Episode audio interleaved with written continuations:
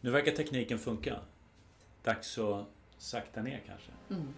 Ja, hektisk morgon, trafiken, eh, vissa har barn, man ska till jobbet. Det är bara fullt. Huvudet är bara fullt hela tiden. Hos de allra flesta. Mm.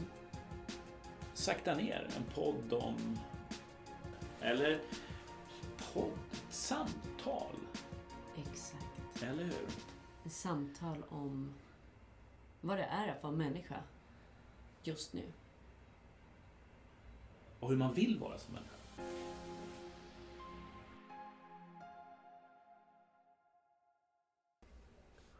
Hej Malin!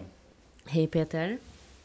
Det var ju länge sedan vi satt här faktiskt. Alldeles för länge sedan. Livet, eh, nej, livet tog väl inte över, men det har ju varit jul och det har varit nyår och det har varit helger och det har varit så här mycket, mycket, mycket annat bestyr liksom, Mm. livet. Men nu sitter vi här. Ja. Nice! Ja, det är väldigt fint att Ja. ses. Det är det. Mm. Och vi, Another Tomorrow lånar ett lokaler igen. mm. Det är så mysigt att komma hit. Ja men det är ju faktiskt det. Det är, det är mysiga lokaler, det är mysiga människor, man känner sig hemma och så är det jättegott kaffe. Jag gillar ju gott kaffe. Det gillar du. Ja. Men Peter, vi, vi skulle ju eh, ses idag så eh, hade du... Ehm, du sa att du hade några tankar, som vanligt. Ja, jag har ju alltid tankar. Mitt huvud vilar ju sällan. Liksom. Det, det, det, ehm, det definierar nog mig lite grann. Så det är alltid något man tänker på. Men, men det är väl liksom, jag, jag tänker mycket på min, på min resa, vad jag är. Jag, jag hade ju liksom 25-30 år i, i, i... Där jag kanske inte tänkte så mycket på på livet i sig, liksom, utanför arbetsplatsen. Utan det var ju väldigt mycket jobbet och det var ganska mycket kul. Mm. Liksom de, här, de här två aspekterna. Liksom, att livet är en fest och, och man jobbar hårt och man strävar efter ehm, den typen av framgång. Ehm, och, det, och det gör ju ganska många.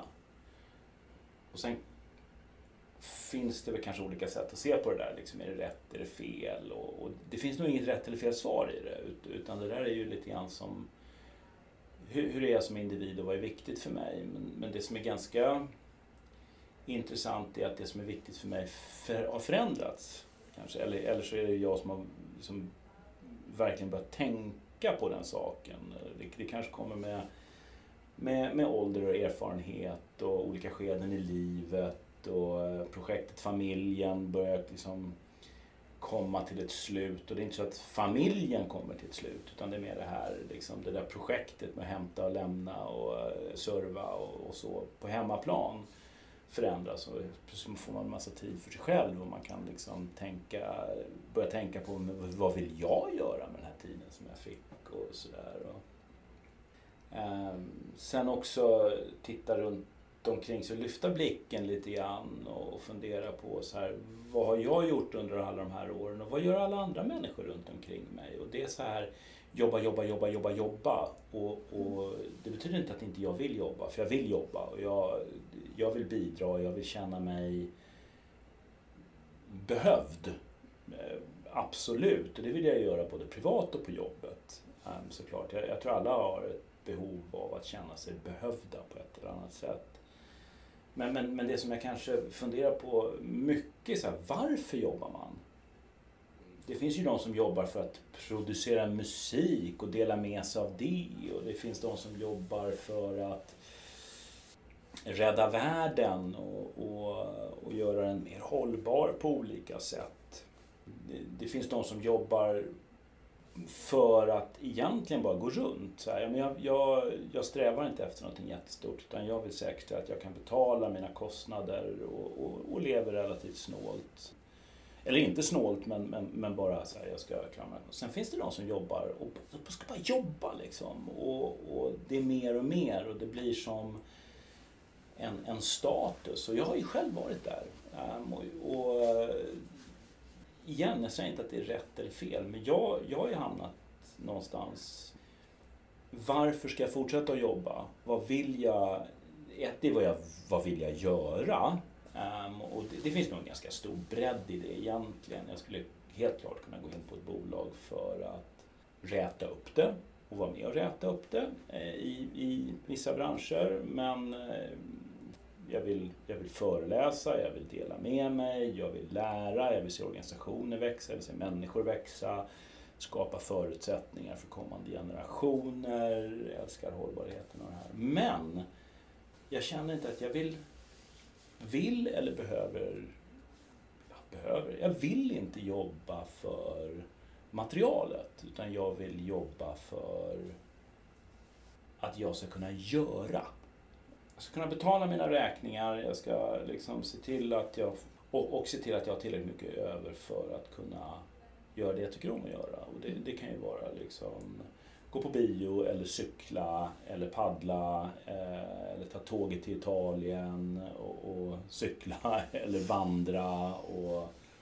och göra de där sakerna. Att, att, att, att, att liksom ta flyget till New York eh, i första klass och, eh, och spendera en helg där och sen så flyga tillbaka. Det, det för mig är fullkomligt så här ointressant nu, även fast det har varit intressant tidigare. Så det, det, här är väl mycket så här, och, och, det här är en omställning i livet. Det, det är en jättestor omställning i livet. Och, och lämna någonting, på något sätt ändå påbörja något nytt. Och sen är det ganska intressant att se vad, vad hände med mig under en sån här resa. Och, och det hände jättemycket varje dag. Mm. Um, gör det. Och, och, jag är ju egen nu, jag är frilans. Liksom. Och det kan ju vara allt ifrån att, som den här veckan har jag varit på IHM och jag har utbildat och jag har Ehm, haft gästföreläsare inne som också är vänner eller branschkollegor, tidigare branschkollegor, branschkollegor. Ehm, men jag har haft alla de här eleverna som ger så mycket energi och, och det är ju inte det är ju inte bara unga unga utan de här är ett spann mellan 20 och 40 år.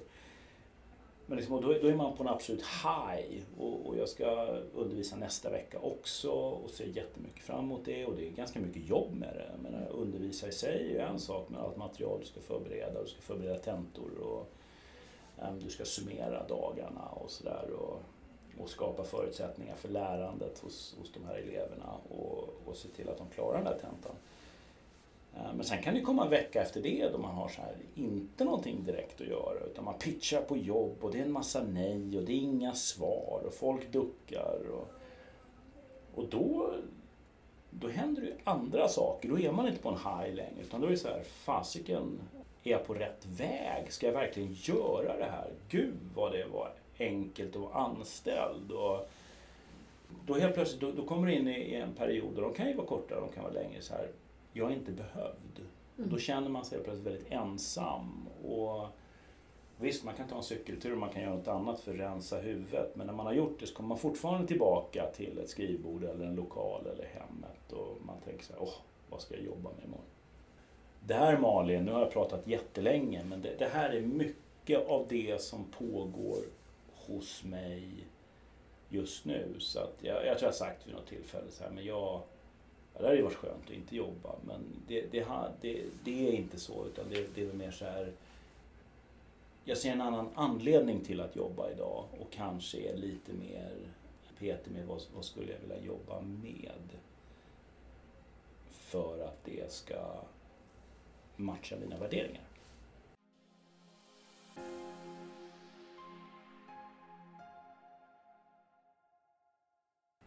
Det låter ehm, det låter som att du, du försöker liksom eh, få tag på ditt större varför.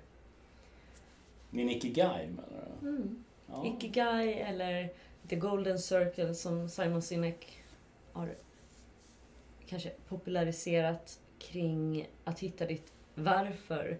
Och när vi hittar vårt varför så brukar det visa sig att det har varit att det alltid har funnits där. Det är bara att vi har agerat omedvetet på det. Det finns en process för det Peter och jag har gjort den processen själv. Och hjälpt andra med den. Vilket är en väldigt, väldigt intressant process. Och jag skulle gärna erbjuda dig att testa den. Vad spännande. Mm. Är den läskig? Nej, den är inte läskig alls. Den är väldigt fin. individen då som ska göra den här processen går igenom historier. Eh, historier som den har från, sin, ja, men från sitt liv. Det behöver inte vara från en specifik period. Utan man, man plockar ut ungefär tio historier som har varit ja, sådana ögonblick eller sådana situationer, människor, platser, någonting som har påverkat en. Som har gjort att man är den man är idag. Sånt som har präglat dig genom livet? Ja. Sätt. När du hittar de historierna så ska du, det enda du gör egentligen är att du berättar de här historierna för mig. Och jag ställer frågor. Och eh, sen tar jag lite notes och hittar liksom lite mönster, sånt som upprepas, sånt man återkommer till och så vidare. Du tänker ingenting utan du är med dig själv och berättar historier. Jag bara blottar mig. Du blottar dig. Du blottar dig och jag observerar. Ah, spännande. Läs Nej, men det är, som, då är det läskigt. Ja, men det är lite... Det är klart att det är lite sårbart och om man säger om sårbart är läskigt så ja, då är det väl läskigt. Men samtidigt så är det otroligt vackert. För ja, men du öppnar en box. Du öppnar definitivt en box. Men det du, kommer, det du landar i är ju... Alltså, det är ju så mycket större än det läskiga. När du helt plötsligt sitter där och du bara Shit, det är som att jag ser mig själv helt klarsynt för första gången. Och jag förstår hur det här har varit ett underliggande, liksom, underliggande värde som har genomsyrat allt jag gör. Och det som är fint är att det är ganska enkelt. Du plockar ut ungefär två stycken av de här återkommande mönstren någonting och sen gör du det till ett why statement. De andra sakerna som man har plockat ut, det visar sig att de väldigt ofta blir ens how. Och då har du helt plötsligt en lista med how och den ska du då tratta ner till ungefär fem. Vilket är en ungefär rimlig summa vad man kan fokusera på. De flesta, de flesta kan nog klustra ihop det. Absolut mest fem, men du kan ha färre. Och sen så kommer du till what och då brukar de ge sig ganska mycket självt.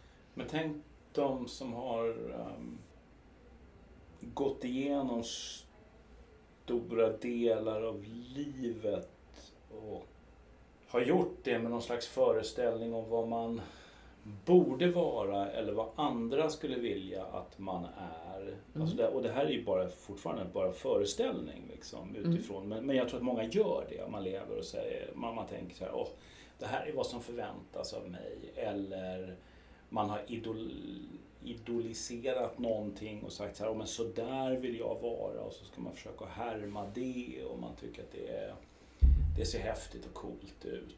Och så där. Man, man skapar man skapar en skev bild av vad som är viktigt. Mm. Och eh, det kanske är väldigt många av de här historierna som egentligen då kanske, om man tar historia, alltså tar tio punkter i livet som har varit så här, de, de har ju de facto hänt men de kanske också är på något sätt osanna. Om du förstår vad jag menar? Ja, och det där är intressant. När jag gjorde det så var det x antal väldigt traumatiska historier som definitivt har präglat mig att eh, bli, eller försöka framstå som någon annan än den jag egentligen är. Det vill säga, jag har försökt skydda mig själv genom att eh, find the comfort of the crowd. Jag har mm. försökt anpassa mig, jag har försökt vara på ett visst sätt. Men det är ju ironiskt nog så har jag jobbat i, i, i modebranschen i 20 år också. Där vi jobbar med vadå? Att, att klä oss i olika identiteter och så sätter vi labels i nacken som ska stå för andra historier. Vilket är väldigt roligt men jag har varit djupt rotad i att maskera mig.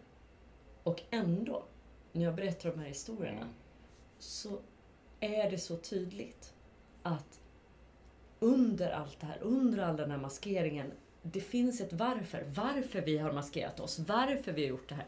Så det finns där ändå. Så att även om du har en historia som har präglat dig att vara den du är i den mm. stunden. Men det är egentligen bara en, låt oss säga, det är egentligen bara en, en maskerad. Mm. Så, så, kan det ändå finnas ett djupt underliggande eh, varför. Och det, det, det, tror jag verkligen att det gör. Men det är också ganska intressant om man... Um, jag sätter en vinkling på det här. Mm. Liksom. Jag, jag tycker ju mycket om ledarskapet. Och, Mm. och, och jag tror ju verkligen på ett värderingsstyrt ledarskap, ett främjande ledarskap, ett servande ledarskap.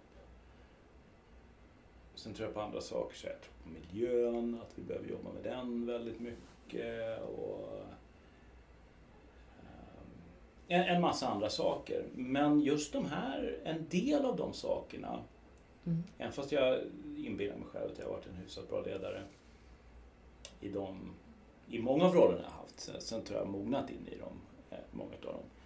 Men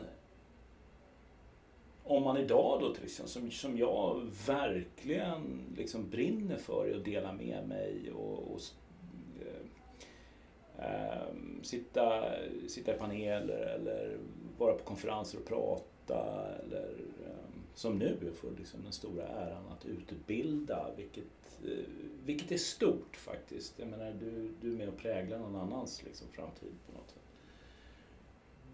Men, men om man tänker så här, om man har levt på ett visst sätt i, i så här, men jag, jag vill vara, jag vill, jag vill, um, jag vill vara någonting, någonting som andra förväntar sig. Eller, och det, det kan ju vara allt ifrån dina föräldrar till en organisation, till kollegor, till kompisar, till ett Instagramkonto. Men det kanske inte alltid har varit det som har varit de inre värderingarna som man då kanske inte har vågat släppa ut eller man inte kunnat eller man inte haft förmågan och så vidare. Och då är frågan så här när man om man, om man står där på scenen eller man blir en ledarskapscoach eller man, man blir en del av de här sakerna så kan det komma någon ifrån dåtiden och säga så här, men vänta nu, så där var ju inte du. Vad hände med den konflikten? Mm. Vad, Den hur, så- hur kan den...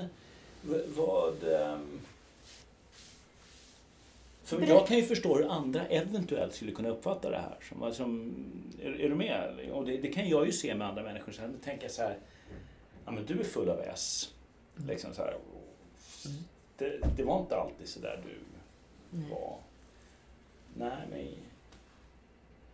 det här är jag. Ehm, Jag kanske spelade en parad tidigare på något sätt. Det här är jag nu. Ja. Mm. You have no obligation to be the same person as you were five minutes ago. Jo, det är sant. Mm. Det är först när vi kan frigöra oss själva att se att allt är konstant förändring och frigöra oss från allt drama. För det är egentligen all, det, allt som pågår i vårt huvud, alla berättelser, alla historier, alla eh, definitioner. När vi säger så här, nej men det här är Peter. Mhm. Så när någon kommer till dig Peter då, om du skulle stå så, så säger du det här är vad jag tror på. Och så säger de så här I want to call you out. Det där var inte du. Som var inte du. Jaha. Då är det väl en del i det är ju en del i resan att komma dit du är nu. Som den personen pekar på. Och då är frågan, är det mer intressant att kolla på vem du var då eller är det mer intressant att kolla på vad du har lärt av det du har varit i och det du har varit med om? Det som är fint med att göra de här resorna och faktiskt också dela den resan. Mhm. Jag vet både du och jag har pratat om det, hur man skulle kunna dela med sig av de av både de erfarenheterna men också den resan som, man, som pågår både i det yttre men framförallt kanske i det inre. Att det som är fint är att när du blir medveten om det i dig själv då har du först en förutsättning att också kunna hjälpa någon annan att göra samma resa. Mhm. Så medvetenhet är ju vägen. Och jag menar, om någon då tydligt säger eller ser Nej men det här var inte du. Så Eller jag uppfattade inte dig så. nej, jag uppfattade det inte så. Det är dessutom deras, Och du uppfattade uppfattning. nog inte dig själv så heller. Nej, men det är också deras uppfattning och samtidigt så är det... Är vi beredda att ge människor den chansen att förändras? Det tycker jag är intressant. När vi jobbar till exempel tillsammans i bolag eller i konstellationer, grupper. Är vi öppna nog som individer att embrace andra människors utveckling? Förstår du vad jag menar? Att inte så här, nej men Peter, du har alltid, du har alltid varit den som sagt, du har alltid sagt så här, eller du har alltid poängterat det här, nu säger du det här. Du säger emot dig själv. Och då bara så här, ja, jag vet att jag har sagt det här tidigare, men nu, med allt det jag vet nu, så belyser jag det här perspektivet. Absolut. Jag tror att det är en... eh, Det här är en förmåga på insidan av människor som vi behöver tillsammans öva på att öppna upp. Det är en, en öppning egentligen. Mhm. Det är ett uppvaknande i att vara närvarande i det som är nu. Och inte gå in i dummande eller åsikter kring det som har varit eller rädsla eller oro för det som kan komma att bli. Utan var fokuserade på här och nu och se saker för vad det är. Mm, Just absolut. i detta nu. Mm. Vilket är en konst. Också- Närvaro och öppenhet är ju en... eh, Det är en virtuos. Ja, ja absolut. Jag, jag, vet inte, jag, jag kanske inte tycker att det är så läskigt längre, men det, det är ju ganska läskigt. Mm. Ehm, för hur man än vrider och vänder på det, man blir lite av en annan människa. Liksom. Och man kommer att uppfattas lite grann som en annan människa. Och det där kommer ju också att för de som hamnar i det här, och du som lyssnar, ge gärna feedback.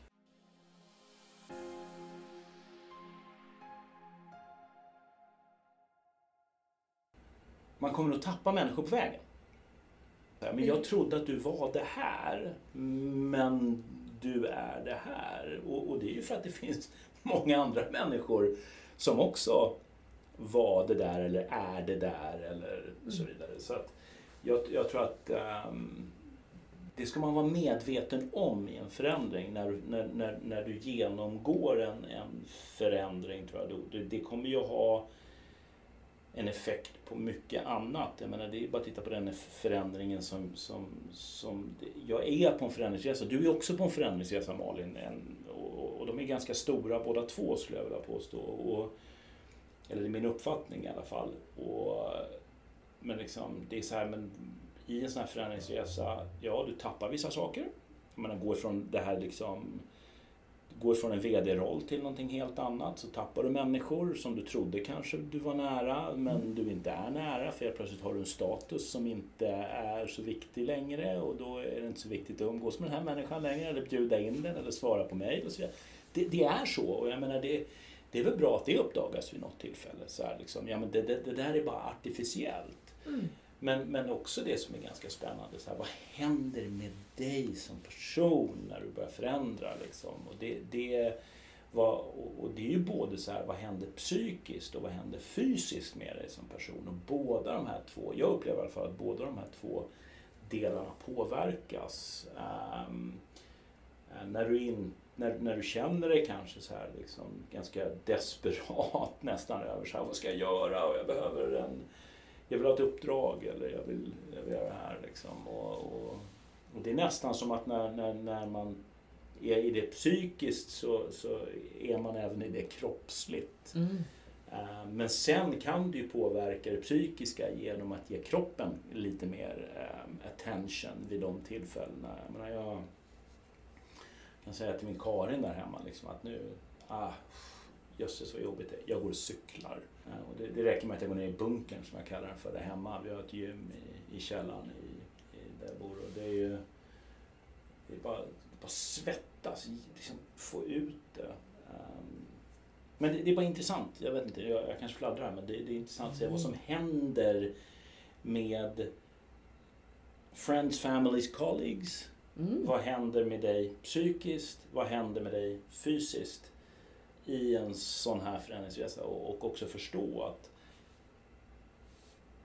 det är många punkter där du kommer att se förändring. Och vissa önskade och andra kanske lite förvånande och oönskade som man inte hade tänkt på när man gick in i det här. Mm.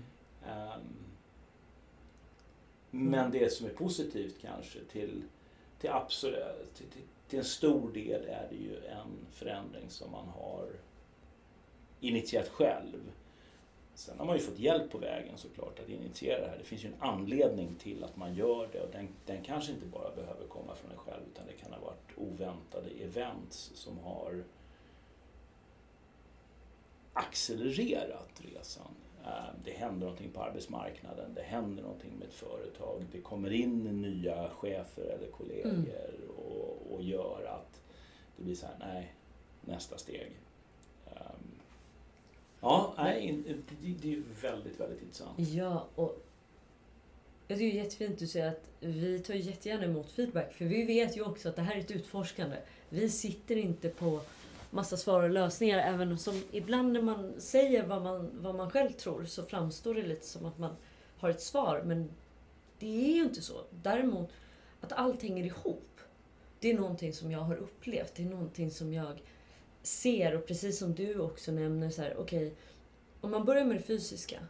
När vi tar hand om våra kroppar eller vi använder våra kroppar. Att vi sätter dem i rörelse. Så skapar det rörelse även på insidan i form av känslor, i form av tankar. Det är som att energierna rörs runt. Mm. Men ibland kan vi också eh, Ibland kan vi också sitta i, i samtal och eh, utmana våra tankemönster och begränsade övertygelser och så vidare. Och då ger det också effekter på våra kroppar. Helt plötsligt så kan vi mm. känna hur, vänta nu, min diafragma slappnar av. Jag känner att det börjar liksom, jag börjar känna lite tinglings i mina händer här. Jag känner mina fötter mot marken. Och det där är också en det är också en väldigt kraftfull process i, det här, i den här liksom förändringsresan. Att skapa utrymme att notera. Alltså utrymme. Måste, det är det här att sakta ner. Att faktiskt komma ner så pass mycket i varv att vi kan börja notera, observera saker och börja utforska och se mönster. Mm. Det som för dig är väldigt tydligt, så här, men cyklandet. Det ger mig även att mina tankar släpper, det frigör hormoner, det frigör någonting. Mm. Min kreativitet blir större. Alltså förstår du? Att, att bara se den connection är ju ett första steg att bli medveten. Och när vi blir medvetna, well, då har vi ett val. Och sen är frågan om man blir 100% medveten någon gång. Men, och många mm. kanske tror att de är det. Um, men det finns alltid ett lärande och det finns alltid ett utforskande och så vidare. Och just det här med att sakta ner eller slow mm. down, det, det, är ju det tycker jag också är viktigt att understryka. Jag skrev det hemma på ett stort papper som jag ligger på mitt matbord hemma igår kväll. Liksom. Slow down, det är inte samma sak som att stanna. Utan mm. det, är sam, det, det, det handlar verkligen om att sakta ner och, och kanske tänka efter och göra många fler medvetna val än man har gjort tidigare och kanske sätta någon annan i centrum i de medvetna valen och inte, inte andras förväntningar på dig utan dina egna förväntningar på dig själv och dina egna behov och, och inte heller bara på ett egoistiskt sätt. Jag menar, man, vi, har satt, vi har båda satt barn till världen och, och vi har båda partners och vi har de här grejerna och de måste ju finnas med i den här Mm. Om man vill fortsätta att leva med och inte säga upp abonnemangen så, så, så, så måste de ingå i det där. Men, men att, att ta långt många fler medvetna val, mycket mer eftertanke.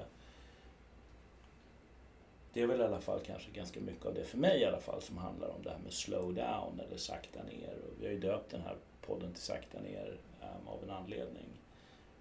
Men också igen då till alla som lyssnar, det betyder inte att jag slutar andas och stoppar helt. Utan, utan det är verkligen um, kanske mer eftertanke.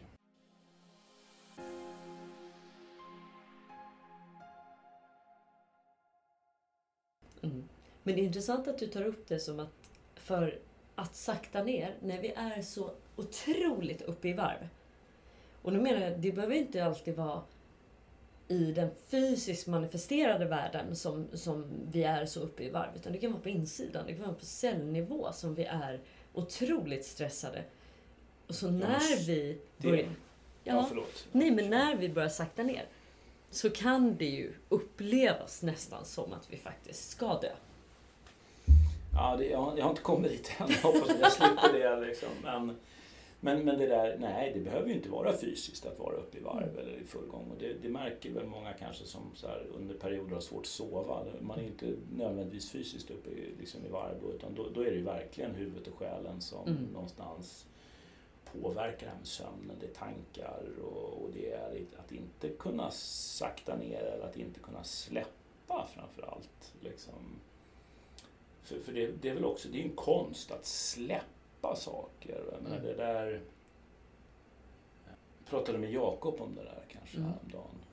Um, och han, han sa det att man måste bara, liksom, det är bara parkera och gå vidare vissa saker. Um, även fast det är väldigt svårt. Man, får ett, man, har, man har pitchat på ett jobb i flera veckor Mm. och så är det bara så här, nej, vi har beslutat oss för att inte göra. Men, ja, men gräv inte ner lägg det åt sidan och pitcha Mm. på nästa. Um, det, det går ju liksom inte för um, Frida Karlsson att gräva ner sig i en förlust i skidspåret. Utan du, du måste ju ladda om, om för morgondagen och gå vidare också. Och, och, och det där är ju svårt. Och varför, det är samma sak med de här tankarna som kan hålla oss vakna på nätterna eller Ja. hålla oss vakna på kvällarna eller göra att vi har ont i magen. Så här, som att lära sig att släppa och gå vidare och det är banne mig inte alltid lätt heller. Nej. Och det där gäller ju också de här gamla historierna som vi bär med oss. Som blir ofta våra, vårt eget fångenskap. Att ja, men förra gången jag gjorde det här så då gick det inte, då gick det inte bra. Eller, visst, det är ju så om du inte reflekterar över vad det var som gjorde att den där pitchen inte kanske föll väl ut. Så är det ju svårt att lära någonting av det. Men reflektera över det. Konstatera, ja men okej. Det var tajmingen. Vi var på den här platsen, de var på en annan plats. Vi, det var inte timing just nu. Det var ingenting som var fel, det var ingenting som var konstigt. Det var så här, bra, det var Eller det tajmingen. här var fel, ändra det till nästa gång. Ja men exakt, det finns ju alltid någonting alltid att lära. Ja, men det finns alltid något att lära. För mig är det lättare när vi inte bara förväntas liksom bara, här, bara släppa i steget. Utan det är så här, nej men okej.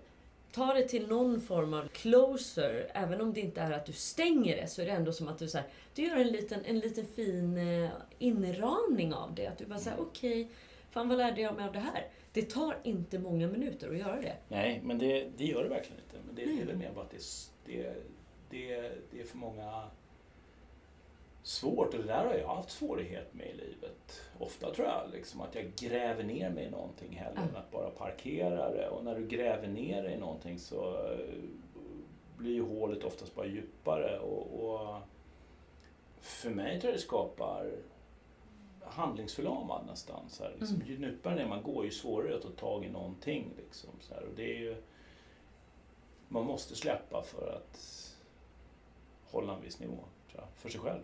Gud ja. Jag tror att, att let go är en av vår tids också största utmaningar. Om du kollar på både, både vad det skulle krävas liksom för den planetära hållbarheten. Vad vi skulle behöva släppa taget om. Massa olika överlevnadsstrategier som vi har utvecklat liksom, i form av, av materialism och self-obsession och Mm. allting. Vi skulle behöva göra så mycket så mycket sacrifice. Och samtidigt så vet man då om man är, om man är lite inne på det här med, med, eh, ja, med inre utveckling. Så vet man att sacrifice, att helt osjälviskt uppoffra någonting. Mhm. Är, det är en väg till Alltså det är en väg till att du kommer hitta en inre, en inre sanning. Men det här är så, det är så pass svårt att förstå att det, det är först när man gör det som jag tror att det på riktigt går upp för en vad det faktiskt innebär. Jag har försökt att, jag har försökt att utforska det eftersom jag tycker att det är spännande att utforska. Och jag... Det vi ger av någonting helt osjälviskt och också obemärkt, det vill säga att vi inte delar det med någon. Det, är inte så här, det finns så många människor som har gett, alltså som har offrat så mycket av sig själva för att vi två ska kunna sitta här med de här sakerna och vi har liksom inte, vi vet inte ens deras namn. Och jag tycker att det är fascinerande när människor helt osjälviskt, det vill säga helt utan behov av statusmarkering eller titel eller vad, vad det nu än kan vara. Liksom. Att man bara... Du ger för att det är rätt sak att göra. Det kommer från en plats inne Ja. i dig som inte har att göra med... Det har liksom inte att göra med dig eller den andra. Utan det är bara att du är en del av helheten och det är en naturlig, det är en naturlig abundance att ge. Och jättetuntigt exempel egentligen, men jag, det kom till mig när jag, när jag eh, reflekterade över det här begreppet. Så jag köpte i vintras två chokladkartonger. För att vi skulle gå bort och sen så tänkte jag att vi kunde ha en själva. Mm. Och det var ett erbjudande, två för, bla bla bla. Mhm. Jag bara, ja men jättebra, jag köper två. Och sen så kommer det en man gående vid Gullmarsplan. Och han såg så ensam ut. Och han gick med sin rullator och han rökte. Och han, du vet, han såg bara så ensam, sliten och bara... Jag bara det var någonting i mig som... Jag vet inte varför. Men jag, jag gav en av chokladkartongerna till honom. Det bara kom. För det kändes helt plötsligt så bisarrt att gå där med två chokladkartonger. Så nu röker han och äter choklad? Ja, det var kanske inte det finaste. Men jag, jo, men det var det väl? Nej, men det som hände i mig efteråt var så intressant. För, för det första blev jag förvånad. Vart kom det här ifrån? Eh, barnen blev utan chokladask. De klarade sig. Eh, men också vad... Att vara med, det som, vara med det som rörde sig på insidan. Och då började jag så här, förstå, jag bara, vänta nu.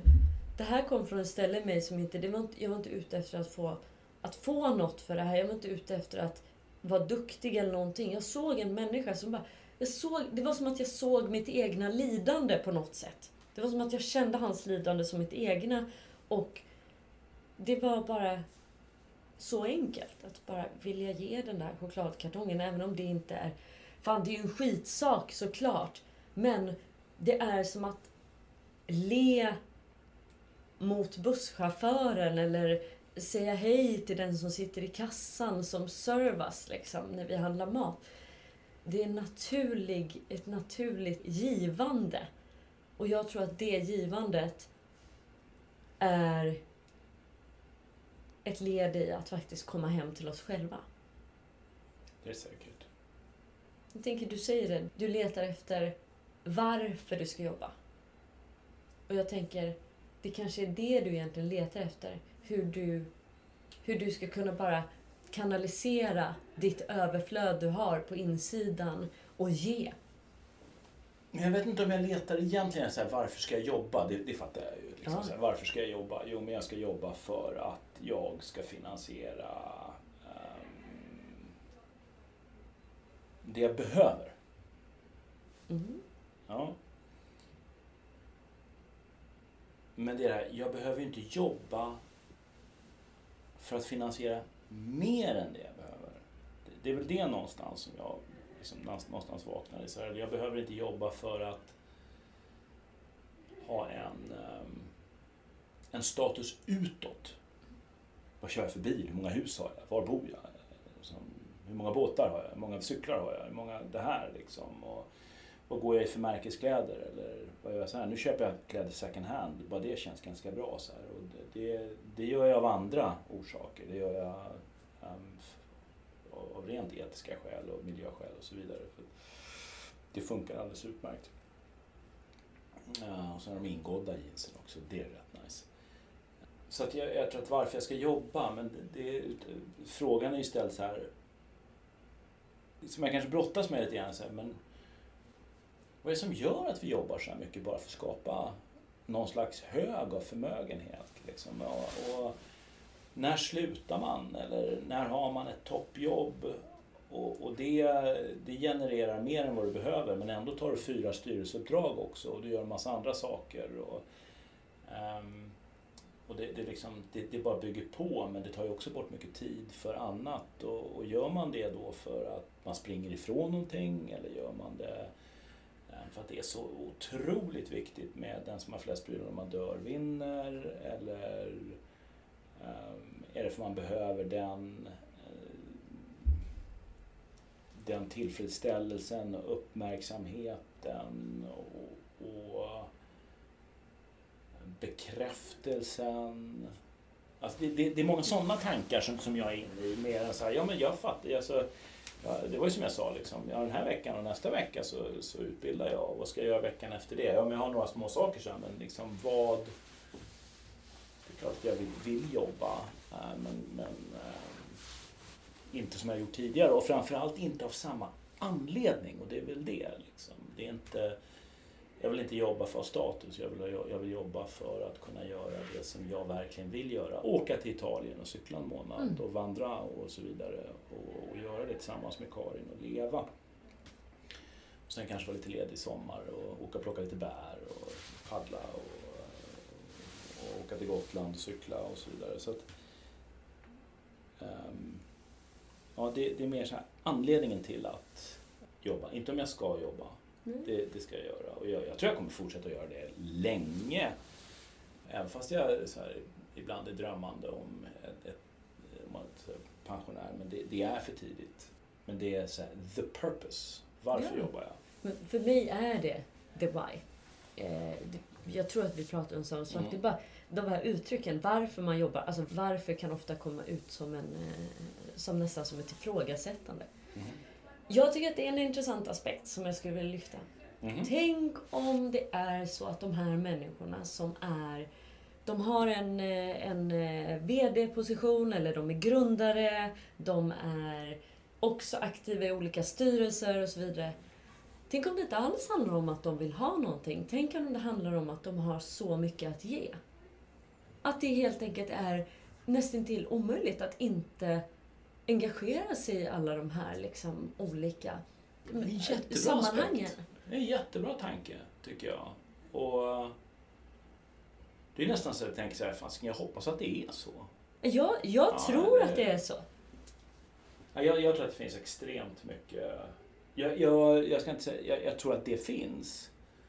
Men, men vi ser ju också att det finns extremt mycket girighet. Ja, fast om vi, kommer, om, vi kommer ner, om vi kommer ner under ytan så tror jag att, ja, visst, det som syns, den yttre manifestationen, kan vara jag ska åka första klass eller business till New York över helgen och sen så ska jag göra det här och det här. Det kan vara den yttre manifestationen. Men jag tror, det var, nu kommer vi tillbaka till det här att även om vår yttre manifestation inte alltid ser ut att spegla det där djupare underliggande så tror jag att människor som har den här enorma hungern, alltså vilket typ hela mänskligheten lider av, i alla fall i västvärlden så som, så som vi ser den. Det är liksom, vi fyller våra hus, vi fyller våra garderober, vi bokar upp externa förråd och så fyller vi dem också. Alltså det är så sjukt. Ja, Ja, det är sjukt. Men det är ju en... Det är ju som en... Eh, det är som en hunger som aldrig någonsin eh, går över, som vi bara försöker fylla. Men jag tror att under den hungern så tror jag att det är för att det finns så otrolig abundance. Det finns så mycket vi har att ge. Vi har sån förmåga, vi har så mycket kapacitet att ge. Så jag tror att det är den manifestationen som kanske i, ibland då inte alltid speglar det som ändå är på insidan. Men jag tror att de här människorna som ändå är otroligt liksom aktiva i olika, i olika sammanhang och så vidare. Jag tror att det egentligen speglar deras abundance. Sen att det kanske att de tror att det ska ge dem någonting som inte alls egentligen är det som de på riktigt söker. För det de kanske egentligen söker, det är kanske bara att ha en outlet att kunna ge. Men de tror att, de, att, de, att det är egentligen en drivkraft som handlar om att få, gain something. intressant. Mm. De kanske också behöver, alla kanske behöver det här tiostegsprogrammet. Mm. Jag tror det. Du vet ju vart jag står i eh, frågan om om alla människor skulle må bra av att eh, lära känna sig själv bättre, bli mer närvarande, mer medveten och eh, att växa våra inre förmågor, vår inre kapacitet. Det är vägen som jag tror att mänskligheten behöver ta. Jo men det, det är det ju absolut i mångt och mycket. Det, det håller jag med om. Och jag tror att... eh, Eller ja, det grundas väl i ärligheten till sig själv. Liksom, mot sig själv. Ja. Mm. Alltså vi, vi förlorar oss, eh, nej inte förlorar oss, men vi, vi tappar tiden och begreppet om det. Vi bara pratar och, och det, det kan man göra hur länge som helst. Och nu, nu har vi pratat ganska länge. Nu var det ett tag sedan vi sågs och så eh, har vi haft alla de här helgerna och så vidare. Men nu får vi träffas lite tätare och så dela med oss av våra tankar. Och igen till alla er som lyssnar där ute, ge gärna feedback och fråga frågor eller säg vad man vill ha mer av eller mindre av. Och eh, dela med er av, av era historier om ni vill. Mm. Och det är väl för att vi är nyfikna. Tappa aldrig nyfikenheten. Det, det, det tror jag det, det är någonting som håller oss vid liv. Ja, den här avsnittet, nu är det Malin som, som gör allt jobbet här. Men det finns väl snart ute i eten hos er. Men, och, och, så lovar vi ett avsnitt ganska snart efter det igen. Eller hur Malin? Ja, det är så fantastiskt att bara få vidga sina perspektiv. Mm. Och eh, som sagt, jag är så tacksam. Jag tycker det här är fantastiskt berikande. Så tack till alla er som lyssnar och eh, tack Peter. Tack själv. På återhörande. Ja, vi hörs.